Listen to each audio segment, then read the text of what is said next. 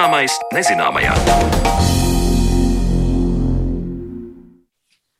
Esiet sveicināti redzējums zināmais nezināmajā un Sandra Kropa, kā ierašajā laikā kopā ar jums, lai šodien parunātu par to, kā tad īsti mēs, kā cilvēku grupa, domājam. Atšķirīgi viedokļi, dažādas pieredzes, daudzveidīgi fakti un rakursi, no kuriem palūkoties uz vienu problēmu, var šķist ļoti nepieciešami lēmumu pieņemšanā. Taču dzīvē cilvēki nereti lēmumus ir spiest pieņemt grupā.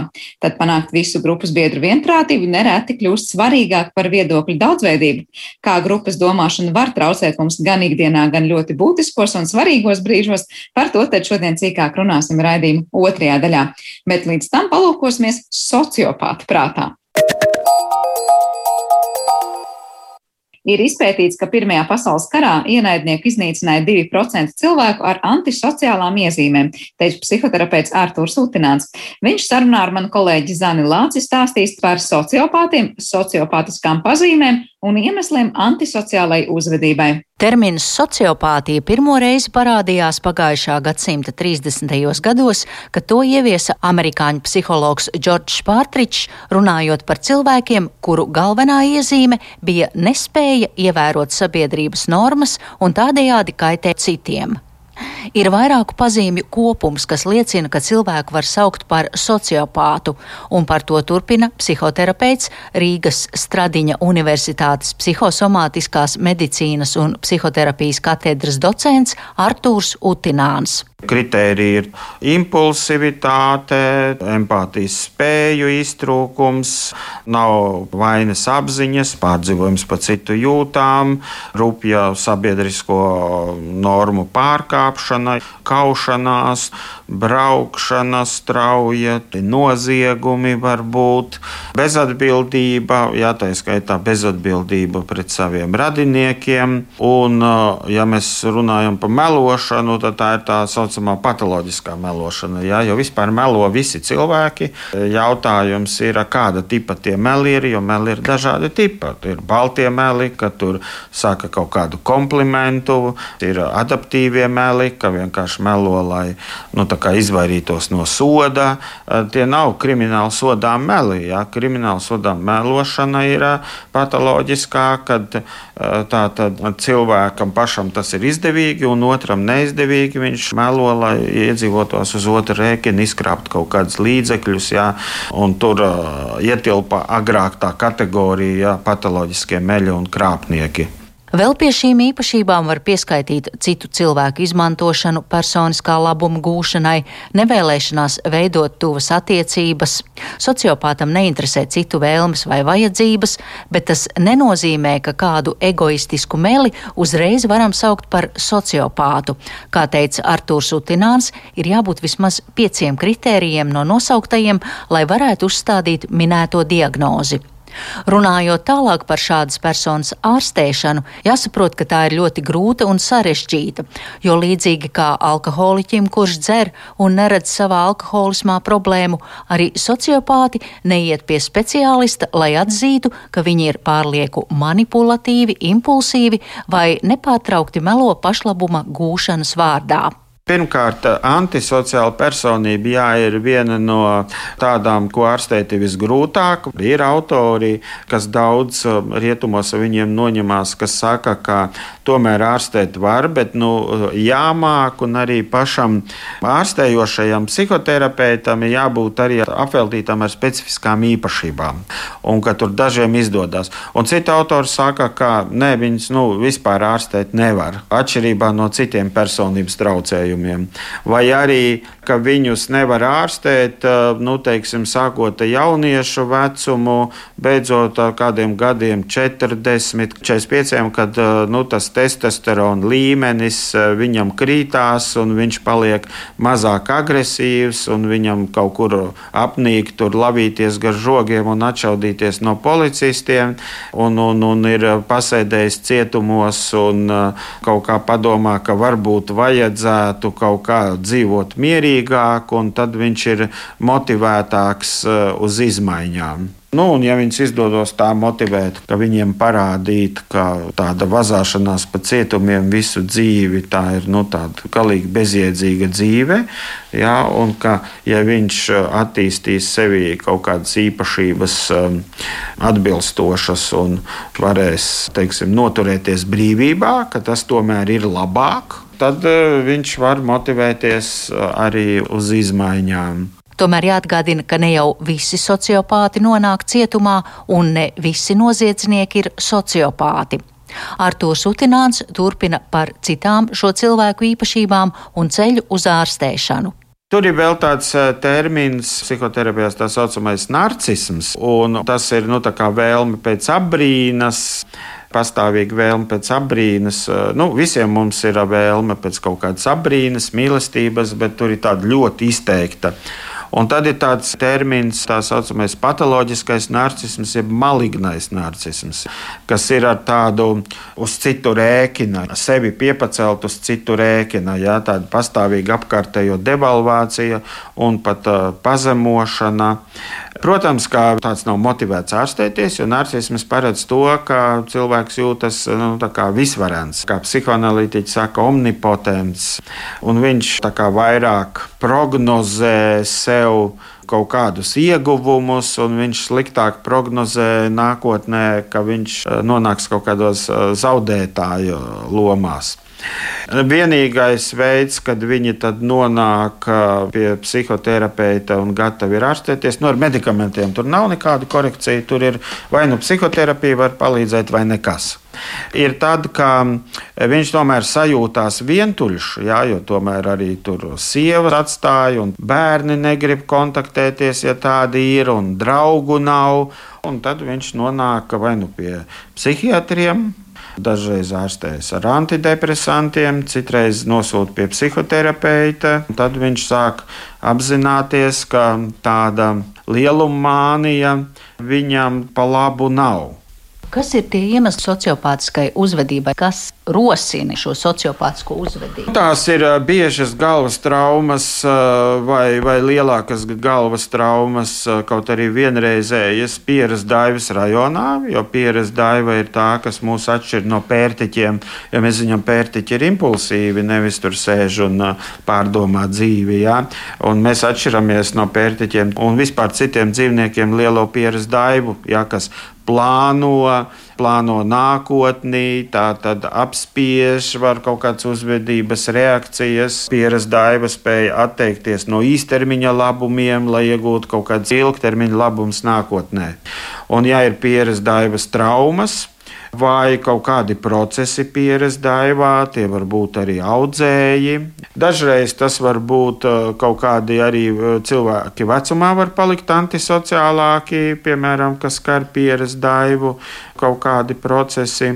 Un uh, alkohola un narkotika lietošana. Jā, tā tad alkohols pirmām kārtām skar pieres daivu, tāpēc cilvēki iedzer alkoholu viņiem pazūd kauna sajūta. Jā, kauna sajūta pieredze daivā ir arī morāla, kas ir vērsta pret sevi. Tā tad pazūd kauns un vainas apziņā, un tā saucamā prefrontālā garoza ir visjūtīgākā uz alkohola toksīnu. Viņš pirmkārt iedarbojas tur, un tad, ja turpina dzert, tas sāk bremzēties, jo alkohols ir smadzeņu depresants. Sāk bremzēties arī citi smadzeņu stāvi, kamēr cilvēks ir tur alkohola, tā sakot, komā. Ja?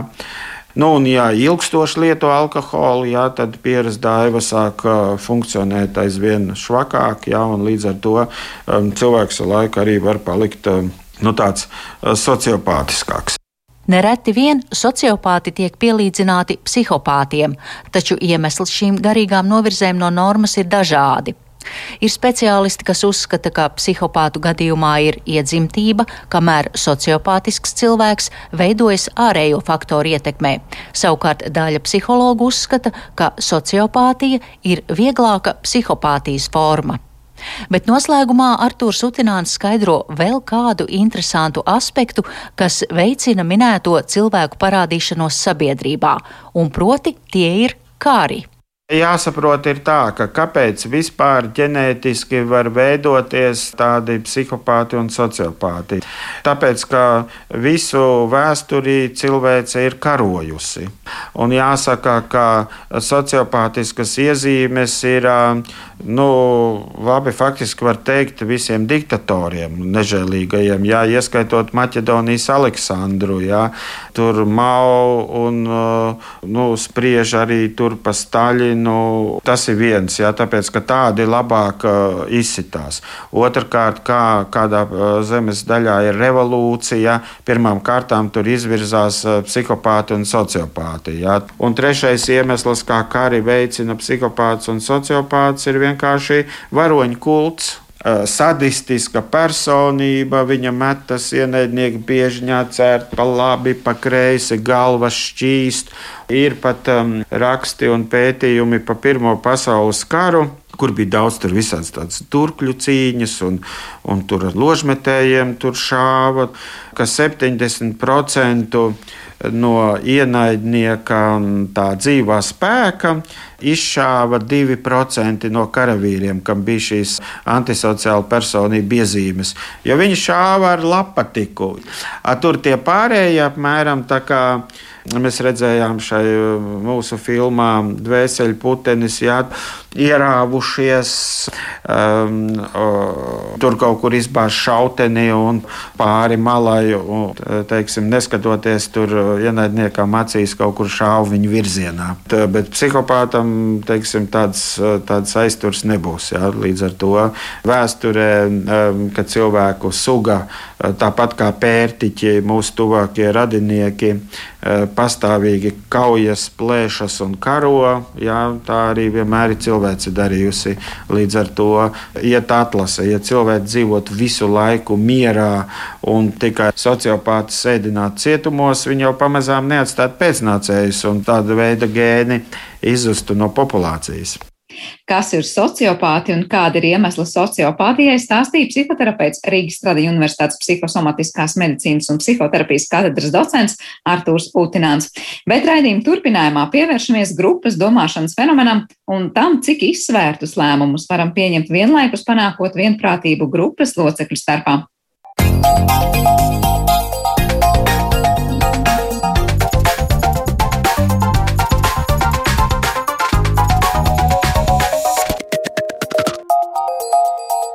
Zināmais nezināmajā. Cilvēks ir sociāla būtne, un, lai izdzīvotu, mēs veidojam kopienas, un, lai šīs kopienas pastāvētu un funkcionētu, ikdienas ir jāpieņem dažādi lēmumi un jāpanāk kopienas locekļu vienošanās. Cik tad izsvērti un racionāli ir šie lēmumi, un kas ir grupas domāšanas fenomens? Par to mēs šodien runāsim atlikušajā raidījuma sadaļā, kad mūsu ciemiņi ir eh, Latvijas Universitātes profesors sociālajā psiholoģijā Ivars Austers, kā arī komunikācijas zinātnes doktora un biznesa konsultante Olga Procevska. Labdien jums abiem! Labdien! Sveiki! Vispirms varbūt parunāsim par to, kas ir šī grupas domāšana un grupas domāšanas fenomens. Vai eh, mēs varam teikt, ka nu, tajā brīdī, kad cilvēks domā individuāli un tad, kad viņš domā kopā ar vēl citiem individiem, tas ir divas dažādas lietas. Eh, Ivar, varbūt sākšu ar to, ko psiholoģijā vispār par šo grupas domāšanu kā fenomenu runā, domā un raksta pats nosaukums grupas domāšana, viņš jau ir domāts ironiski. Ja? Tas, tas avots, kas uh, pirmos pētniekus, kuri par to sāk ra rakstīt. Genesis ir tas, eh, laikam, biežāk minētais, ja mēs kaut ko paskatāmies eh, par grupas domāšanu, tad uh, to nosaukumu viņš izvēlējās kā tādu ironisku atsauci uz Orvelu 1984. Ne, nu, tas, kas tiek saukts noteiktā vārdā, īstenībā nemaz vairāk nav tas, kā tas tiek dēvēts. Tā doma ir tāda, ka šajā fenomenā nemaz tik daudz no tā ideāla, ko mēs saprotam eh, ar vārdu domāšana, kādas asociācijas mums raisās, ka cilvēki eh, mērķiecīgi, sistemātiski, analītiski, nezinu, reflektīvi un tā tālāk domā par to problēmu, ar kuru viņi ir saskārušies, ka tur maz kas no tā paliek pāri vai ne, ka sāks darboties fenomens, kur parasti saista ar grupas saliedētību, nu, ka cilvēki augstā nozīmīgā pakāpē identificējas ar kādu grupu.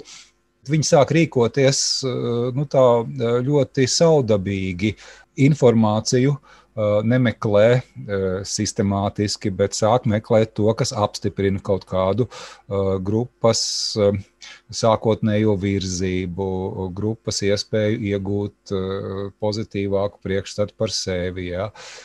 Sāk cenzēt sevi, sāk cenzēt citus, sāk lietot daudz stereotipus attiecībā pret citām grupām. Nu, nu nezinu, mūsdienu versijā varētu būt grupas domāšana attiecībā uz Covid padarīšanām vai neatkarībā no tā, kurā pusē tu esi vai ne par, par, par vakcināciju, tad tu sāc domāt par otras puses pārstāvjiem kā par ļoti homogēnu viendabīgu masu un sāc lietot visus nu, tos absurdākos stereotipus ar nolūku, lai tavs tas idealizētais viedoklis tiktu pēc iespējas ar lielāku varbūtību iedzīvināts. Ja?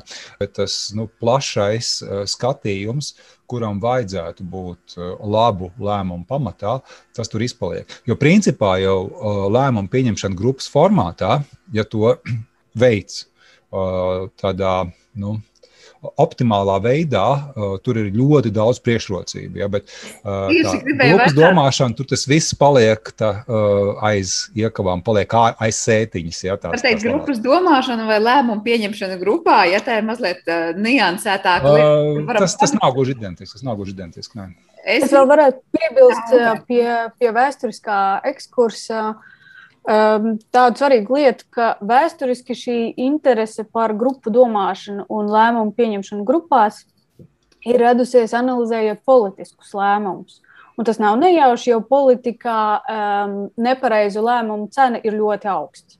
Tā nepareiza lēmuma maksā cilvēkiem karjeru diezgan uh, bieži valstīs, kur no vēlēšanām ir šis atkarīgs. Un, uh, Vēlāk šī interese ir pārvietojusies uz biznesu, kur arī, protams, ir ļoti augsta cena kļūdām. Burtiskā nozīmē, ja par kļūdām tiek maksāts ar naudu, ar, ar uzņēmumu ienākumu samazināšanos vai nepieaugumu. Bet interesantā lieta, kas notiek tagad, ir, ka mēs esam sākuši domāt par racionalitāti un par lēmumu pieņemšanas kvalitāti un par iznākumiem ne tikai politikā un biznesā, bet arī savā privātajā dzīvē. Mēs daudzās jomās, vai gandrīz visās jomās, šobrīd gribam pieņemt arvien labākus, racionālākus lēmumus. Mēs gribam uh, la, pieņemt labu lēmumu, izvēloties dzīves partneri, Mēs gribam pieņemt labu lēmumu par bērnu radīšanu, mēs gribam pieņemt labus lēmumus par šo bērnu audzināšanu. Un mēs ļoti meklējam veidus, kā apiet savus dažādos stereotipus, iebūvētos aizspriedumus un, un, un domāšanas kļūdas. Un tāpēc ir, ar to var izskaidrot um, ļoti lielo interesi par, par šo tēmu pēdējā laikā, un arī daudz grāmatas, kas ir, kas ir par to sarakstīts. Var sakot, šī vēlēšanās pieņemt uh, labus lēmumus izplešas par, no, no vienas sfēras uz šobrīd gandrīz vai visām. Bet tad sanāk tas, ko Olga tikko teica, ka mēs kaut kādā mērā pārvirzāmies no tā, kur mēs lēmumus pieņēmām tādas grupas domāšanas ietekmē uz to, ko mēs pieņemam individuāli, par, par savām privātajām lietām. Ar ko dzīvot? Ne tikai, ne tikai individuāli, e, arī e, ģimene ir grupa, un, e, un lēmumi, kas tiek pieņemti ģimenē, arī tiek pieņemti grupā. Un, eh, un arī šeit ir iespējams pieļaut tipiskās kļūdas, kas ir raksturīgas um, šai grupu domāšanai, kas noved pie parasti sliktākiem lēmumiem. Un ir iespējams uh, arī darīt lietas, par kurām ir zināms, ka tās palīdz pret negatīvajām grupu domāšanas izpausmēm. Bet, protams, ģimene ir maza formāta grupa tomēr parasti mūsdienās, lai gan ģimenes joprojām ir dažādas. Bet uh, uzņēmumos, piemēram, es to savā praksē redzu ļoti bieži, ka no vienas puses ir ļoti liela grupu domāšanas ietekme, no otras puses ir ļoti liela vēlme šo ietekmi pārvarēt. Tāpēc, ka uh, nu, cilvēkiem ir ļoti skaidri redzams, ka rekur viņi ir kļūdījušies, un tas ir mums ir maksājis tik un tik, un mēs tomēr negribam tā darīt vēl. Tad sanāk, ka no vienas puses divas dažādas lietas visu laiku ir blakus esošas. No vienas puses mēs esam ļoti atkarīgi no grupu domāšanas, no otras puses mēs ļoti negribam domāt kā grupa. Tā es pareizi saprotu, tikko teikto. Es to uztveru kā kaut ko līdzīgu, kā, teiksim, kā arī pēc saldumiem. Mums evolucionāri ir izveidojusies uh, tendence, um, ka mums patīk saldas garšas labāk nekā sīvas, piemēram. Un, attiecīgi, mums saldi augļi garšo daudz labāk nekā kaut kāds rācenis. Nu, teiksim, apkarot šo var, bet nu, tas ir cīnīties pret lielas upes traumu. Drīzāk tas, ko mēs darām, tas ir ļoti labi zināms mazu bērnu vecākiem, ir, e, ka labāk nevis apkarot, skrienot ar, ar pieri sienā, bet mēģināt atrast apkārtceļus. Gluži tāpat grupu domāšanas ziņā mums ir raksturīgi evolucionāri izveidojusies tieksme vienoties. Mums ir ļoti svarīgi būt saskaņā ar savu grupu. Tas ir veids, kā mēs veidojam attiecības, kā mēs veidojam alianses un kā mēs īstenojam savus plānus. Un vienkārši pieņemot lēmumus, mums ir jāņem vērā, ka šāda tendence ir, ka jebkurā dabiskā situācijā, ļaujoties pašplūsmai, grupa tieksies uz vienošanos, nevis uz konfliktu. Jo konflikts cilvēkiem ir diskomforts.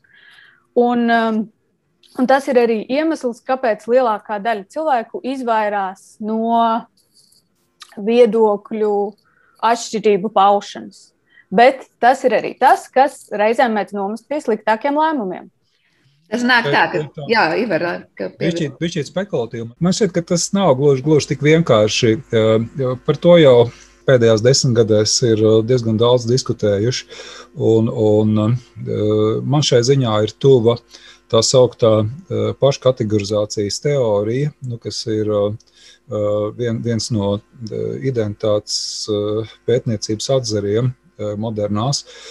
Pamatā ir, ir ideja par to, ka katram cilvēkam ir daudz un dažādas identitātes un konteksts, kādā tu redzi sevi attiecībā pret citiem cilvēkiem, ļoti daudz ko noteiks. Ja? Uh, Un īsnībā viens un tas pats cilvēks var mierīgi uzrauties uz šīs grupas domāšanas nu, problēmām, nu, iekrist tajā grupas domāšanas slazdā, lamatās, vienā situācijā un citā var tīri labi ar, ar, ar to tikt galā. Ja, un, un, tur būs niecīgākās atšķirības situācijā, kuras noteiks, kurā, kurā grupā tas cilvēks iekritīs. Ja? Mēs, protams, varam teikt, ka līdera loma ir ļoti nozīmīga grupas domāšanas gadījumā, un tā, protams, būs taisnība. Ja? Bet tas princips, kuru arī mēģina izcelt eh, paškategorizācijas teoriju, ir, ka nav eh, kaut kādu eh, iepriekš definētu vai noteiktu līdera īpašību. Līderis ir tas, kurš noteiktā situācijā vislabāk ļauj definēt, kas ir grupa. Ja, un būt vienas grupas pārstāvim nozīmē pēc iespējas labāk atšķirties no kādas citas grupas, kas piešķir tam jēgu, plus kas uh, pasaka priekšā, uh, kādam tev ir jābūt, lai būtu labs uh, noteikts grupas pārstāvis. Ja? Tā kā, nu, skatoties, kāds ir tas prototipiskais līderis, kurš teiks priekšā ar savu uzvedību sapulču vadīšanu, darba grupu vadīšanu un tam līdzīgi, kas un kā ir jādara, tas arī lielā mērā, protams, noteiks. Bet to, kurš būs līderis un kā līderis uzvedīsies, to savukārt lielā mērā noteiks citas grupas attiecībā pret kuru tu, tu, tu savu identitāti iegūsi un, un, un, un, un tā tālāk. Ja. Plus, nu, kaut kādā mērā jau, protams, Olga, tā kā jūs sakat, tas jau tā ir? Nu, tā apdraudošā situācija tā jau prasa šo mobilizāciju, ne? Ka tev ir jāsaņem visi pieejamie resursi dūrē, un saņemt dūrē jau nozīmē to, ka tur nav iespējas tagad diskutēt, vai ne? Ka viens pirksts būs viens skatu punkts, un cits pirksts būs cits skatu punkts, vai, vai ka mēs tagad mēģināsim savstarpēji šīs te iespējamos, iespējamos viedokļus konfrontēt ja, un atrast labāko.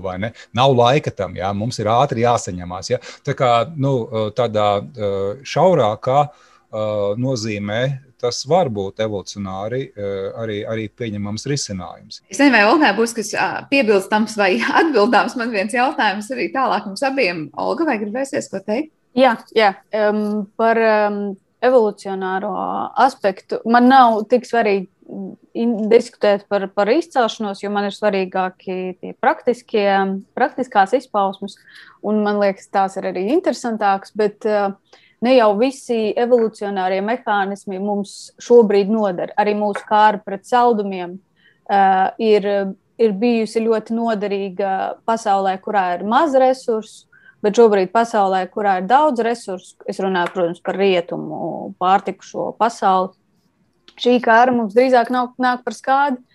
Un, uh, gluži tāpat uh, par grupu domāšanu ir iespējams runāt kā par kaut ko, kas mums ir noderējis um, mazāk sarežģītā pasaulē, kurā tiešām vienoties ir svarīgāk uh, nekā atrast kaut kādu ideālu, labāko risinājumu. Bet šobrīd tiešām tā notieksme mums ir tāda, e, ka mēs gribam atrast labākos lēmumus, mēs gribam viņus atrast daudzās sfērās. Un, e, mēs gribam labākos lēmumus politikā, un mēs tiesājam, nu, ne jau burtiski, bet um, ar vēlēšanu palīdzību savus politiķus par viņu pieņemto lēmumu kvalitāti. Un mēs viņu šādus lēmumus arī gribam pieņemt darbā un arī privātajā dzīvē. Un tāpēc mums ir vairāk jādomā par tām noteiksmēm, kas mūsos ir iebūvētas, kurām ir sava jēga, bet kas var būt arī traucējošas. Varbūt tā, ka ir kaut kāda jēga, un tā ir bijusi izteiktāk, varbūt citos laikmetos un mazliet citās sabiedrībās dzīvojot. Bet jautājums, jūs abi runājat patiesībā par to, ka jā, mēs, nu, kā jau ar sākumā teicu, nu, pat ironiski sakot, grupu domāšanas kontekstā runājam par to, ka nevis daudzi kopā cilvēki sanāk un pieņem labākus lēmumus, bet, bet patiesībā tas viss notiek pilnīgi pretēji. Tur tad ir šie aizspriedumi, stereotipi un, un var teikt, nevis vairāk mēs meklējam, lai saprastu atbildus uz jautājumiem, bet gan lai saprastu, vai domājam pareizi un pārliecināti.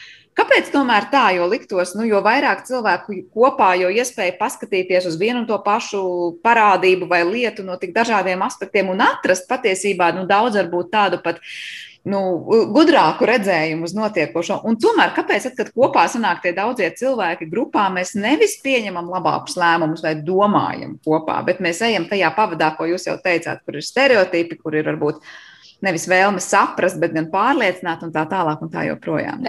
Nebūtu nevienmēr. Nav tā, ka vienmēr sanākšana grupā nozīmē sliktākus lēmumus.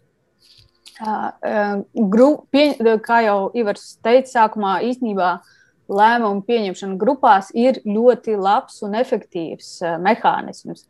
Ja es būtu visus savus lēmumus pieņēmusi viena pati, es dzīvotu daudz, daudz sliktāku dzīvi. Un, ja man uh, uzņēmums piederētu uh, vienai pašai, nevis kopā ar diviem partneriem, uh, šie iznākumi būtu daudz sliktāki. Es, to, es par to esmu pilnīgi pārliecināts.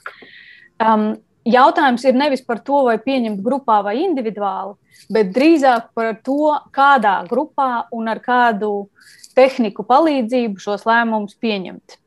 Dabiskā, ja nepielieto nekādas tehnikas, tad visbiežāk tiešām tas koherences spēks, respektīvi tā tieksme vienoties, viņi tiešām gūs pārsvaru pār kritiskumu un, un uh, skatu punktu daudzveidību, kas ir lielākais grupas iegūms. Grupas lielākais iegūms ir tāds, ka mums ir dažādas perspektīvas, un mums ir dažādi cilvēki, kas uh, um, var no dažādām pusēm, dažādā veidā paskatīties. Un tas arī īstenībā ir pārējot pie nu, tādas jau pozitīvākas risinājuma sadaļas. Tas arī ir labākais risinājums um, lēmumu pieņemšanai grupā, grupās, ir veidot šīs grupas apzināti. Tik dažādas, cik vien ir iespējams, un nevis uh, nu, tā virspusē skatoties, tur tik daudz sievietes, tik daudz vīriešu, tur tik daudz jaunu, tik daudz vecu, bet skatoties nedaudz dziļāk un izraugoties cilvēkus, kuriem ir dažādas, nu, nosauksim to par nezinu, mentālajām konstitūcijām, kuriem ir dažādi domāšanas veidi, dažādi domāšanas paradumi, kuriem ir dažādas izglītības un dažādas socializācijas.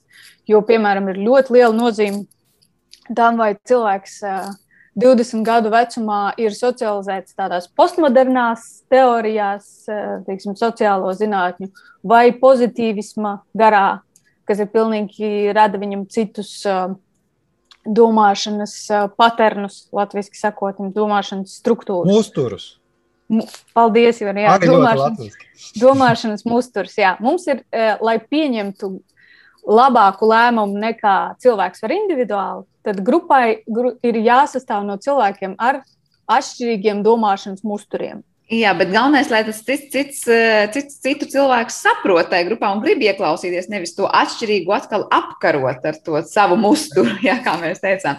Ivar, varbūt būs ko piebilst. Te, te, te, te ir, um, uh, ja es iepriekš minēju, uh, ka līderis var būt uh, negatīvs tādā nu, grupas funkcionēšanas nozīmē, tad, tad īstenībā jau vadītāja līderu loma uh, var būt arī ļoti, ļoti pozitīva. Ja, un, un, uh, turpinot to, ko Olga sāka uh, stāstīt, nu, šeit jau nav ritenis no sākuma. Nu, vēlreiz jāizdomā, vai ne? Uh, ir ir uh, dažas lietas, kuras strādā vienmēr un ļoti labi, Un viens no pamatpunktiem ir nesākt ar diskusiju, bet katram izteikt savu viedokli. Un, teiksim, ideālā gadījumā tas var nozīmēt arī to, ka viedoklis tiek apkopots, piemēram, rakstiskā formā, lai tu nedzirdētu, ko citi saka.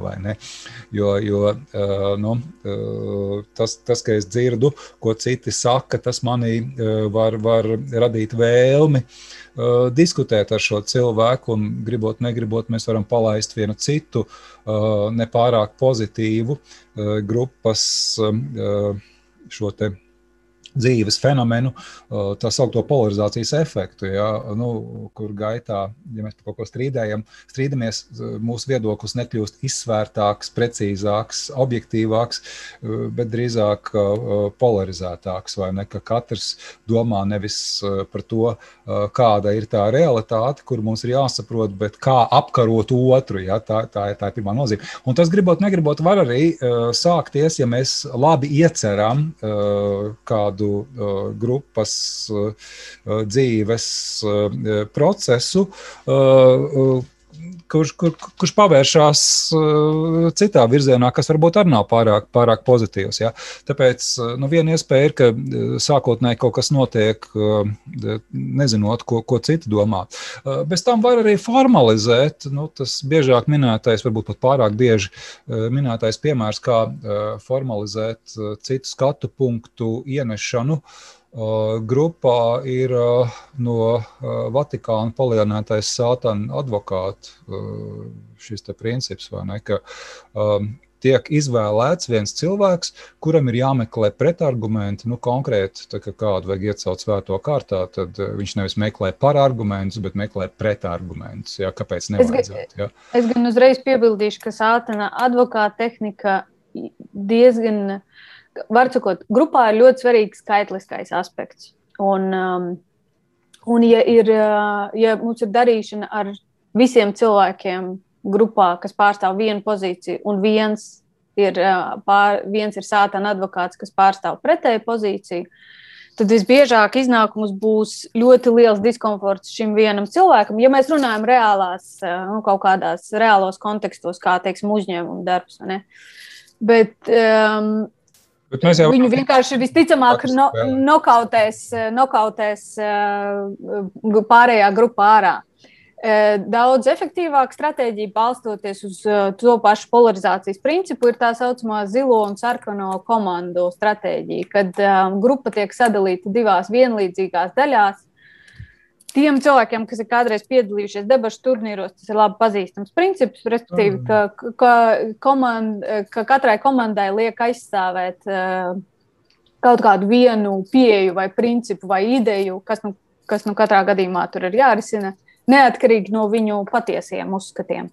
Un tas diezgan bieži ļauj cilvēkiem ieraudzīt uh, šo jautājumu no citas perspektīvas, nekā tā, ar kuru viņi ir atnākuši uz, uz uh, šo pasākumu. Ja drīkst, tas patiesībā parāda to, ka viņam mākslīgi tiek radīta tā sajūta, ka lūk, tas ir tavs viedoklis, un tu centīsies visiem spēkiem to aizstāvēt. Līdzīgi kā jūs te minējāt, mēs parasti darām, tad, kad mēs to savu īsto viedokli aizstāvam. Ne, nu, tā ir principā tāda tā ir, um, dažādības inženierēšana. Respektīvi, ja dažādības nav no, no sākuma dabiskā veidā, tad viņi tiek inženierēta, un, un šīs viedokļu atšķirības tiek institucionāli, nelietosim vārdu mākslīgi, jo tas uzreiz tika negatīvs, bet institucionāli radīts.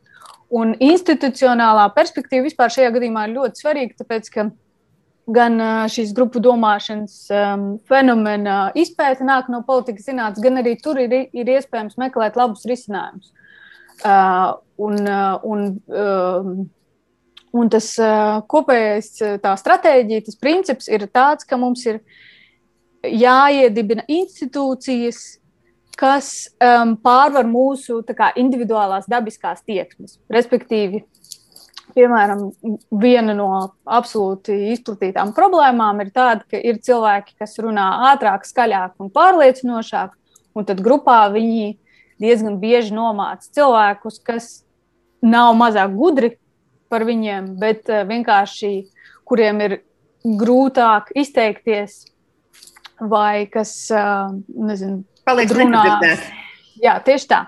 Un, un tāpēc, ja ir vēlme pieņemt labākus lēmumus grupā, tad par šo ir noteikti jādomā. Ir jādomā, kā akomodēt cilvēkus ar ļoti dažādiem, kā tur bija, kognitīviem uzturiem un arī sevis prezentācijas prasmēm, un, un raksturiem un temperamentiem. Jo tiešām dažādībai šajā gadījumā ir ļoti, ļoti liela vērtība. Es Uh, īstenībā ir vēl viens princips. Uh, institucionāli jau zinātne uh, ļoti labi uh, vai salīdzinoši labi tiek galā ar, ar, ar šo grupas domāšanas uh, fenomenu. Uh, zinātnes metodoloģija, labs pētījums nozīmē, ka pirmkārt tiek meklēti argumenti, kuri runā pretī tavai idejai, tavai hipotēzei. Ja? Nu, tas ir tas, kā uh, būvē labu uh, zinātni, tā skaitā uh, sociālajās zinātnēs, nu, vismaz kopš uh, 50 gadiem, nu, daudzos gadījumos arī senāk, kur, kur ir šis te, princips iestrādāts. Zin, labs zinātnieks meklē visu laiku alternatīvas izskaidrojumus. Ja? Labs pētījums nozīmē aprakstīt to, kā tu meklēji alternatīvas izskaidrojumus, bet tev neizdevās tos atrast, tāpēc tam, ko tu esi izdarījis, ir vērts ticēt. Ja? Uh, un, un, un, uh, nu, lielā mērā jau tas, ko Olga stāsta, ir pārnest šo ideju uz kaut kādu uh, lietišķo vidi, kur ir nevis jārisina uh, fundamentālās zinātnes problēmas, bet arī varbūt jāpelna nauda. Jā.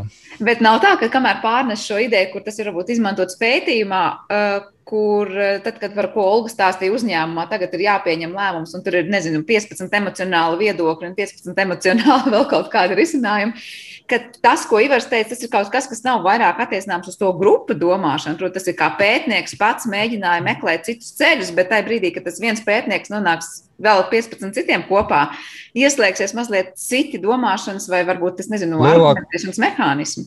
Lielākā daļa pētījumu notiek grupā. Jā mūsdienās, un, un, un tur, tur jau ir tieši tas pats, vai ne?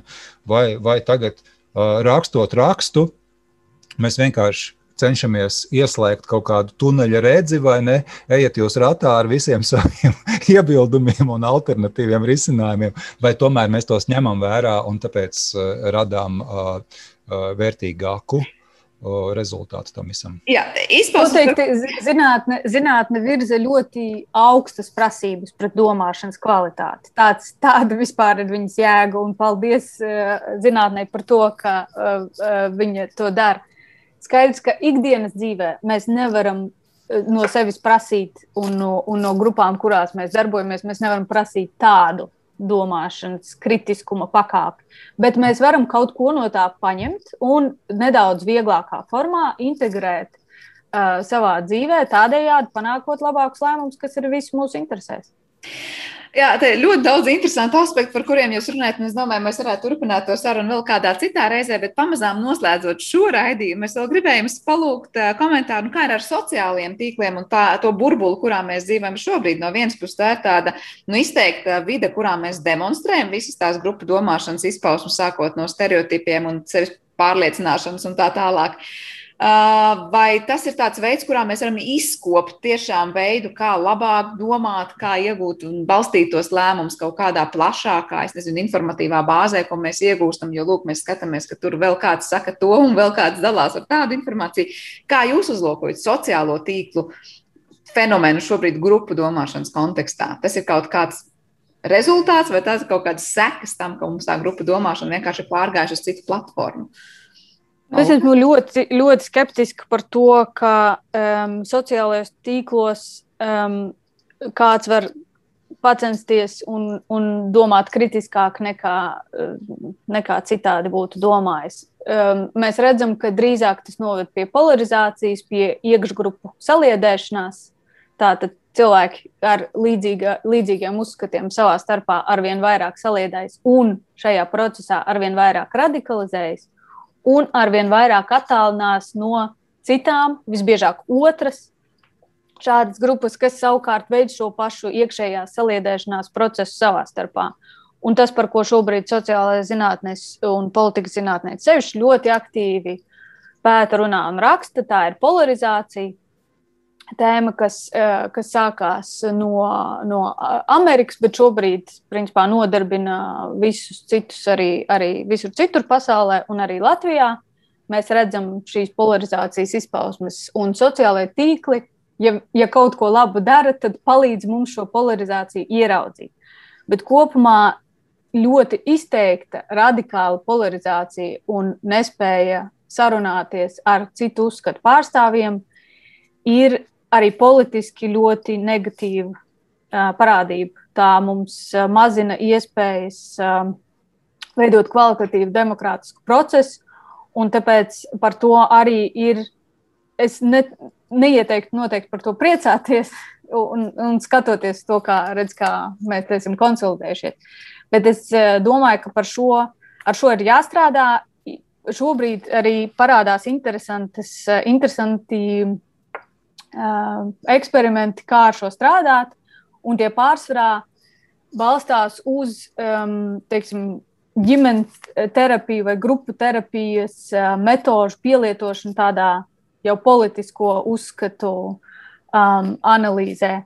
Un, uh, un ar labā, labiem panākumiem. Bet, principā, polarizācija nav nekas tāds, ko, uz ko mums noteikti vajadzētu tiekties. Jā, paldies, Ivar. Pavisam īsi būs vēl kas piebilstams, jo mums jau tūdaļ, tūdaļ jāliek par, par, par, par, par, par, par sociālajiem tīkliem. Man, man šeit cilvēki pieiet uh, savai, savai, savai uzvedībai. Uh, sociālos tīklos varbūt tā viegli egoistiski, tad, protams, tur var ļoti daudz iegūt. Uh, tā tad kāds būtu priekšnoteikums? Lai tava identitāte nebūtu apdraudēta. Tas ir līdz ko tev ir ļoti svarīgi parādīt, ka tu esi labs grupas pārstāvis, tad ieslēdzas viss sliktākais, kas var būt no visiem identitātes fenomeniem, tā skaitā no grupas domāšanas un, un visas tās pārējās lietas, ko mēs pieminējām. No otras puses, ja tev ir akna un nav uh, bažas par to, kā citi tevi uztvers, tad jau tu vari uh, ļoti daudz ko uh, iegūt, uh, diskutējot. Ja? Bet nu, tur ir jābūt ļoti, ļoti uzmanīgam un visu laiku sev jāveic, jāveicā, diskutējot ik pa 15 minūtēm, vai es gadījumā tagad negribu par katru cenu parādīt sevi kā labu tās un tās grupas pārstāvju. Ja? ja tas tā būs, tad ir ziepes, tad ir pilnīgi tā kā augstākajā.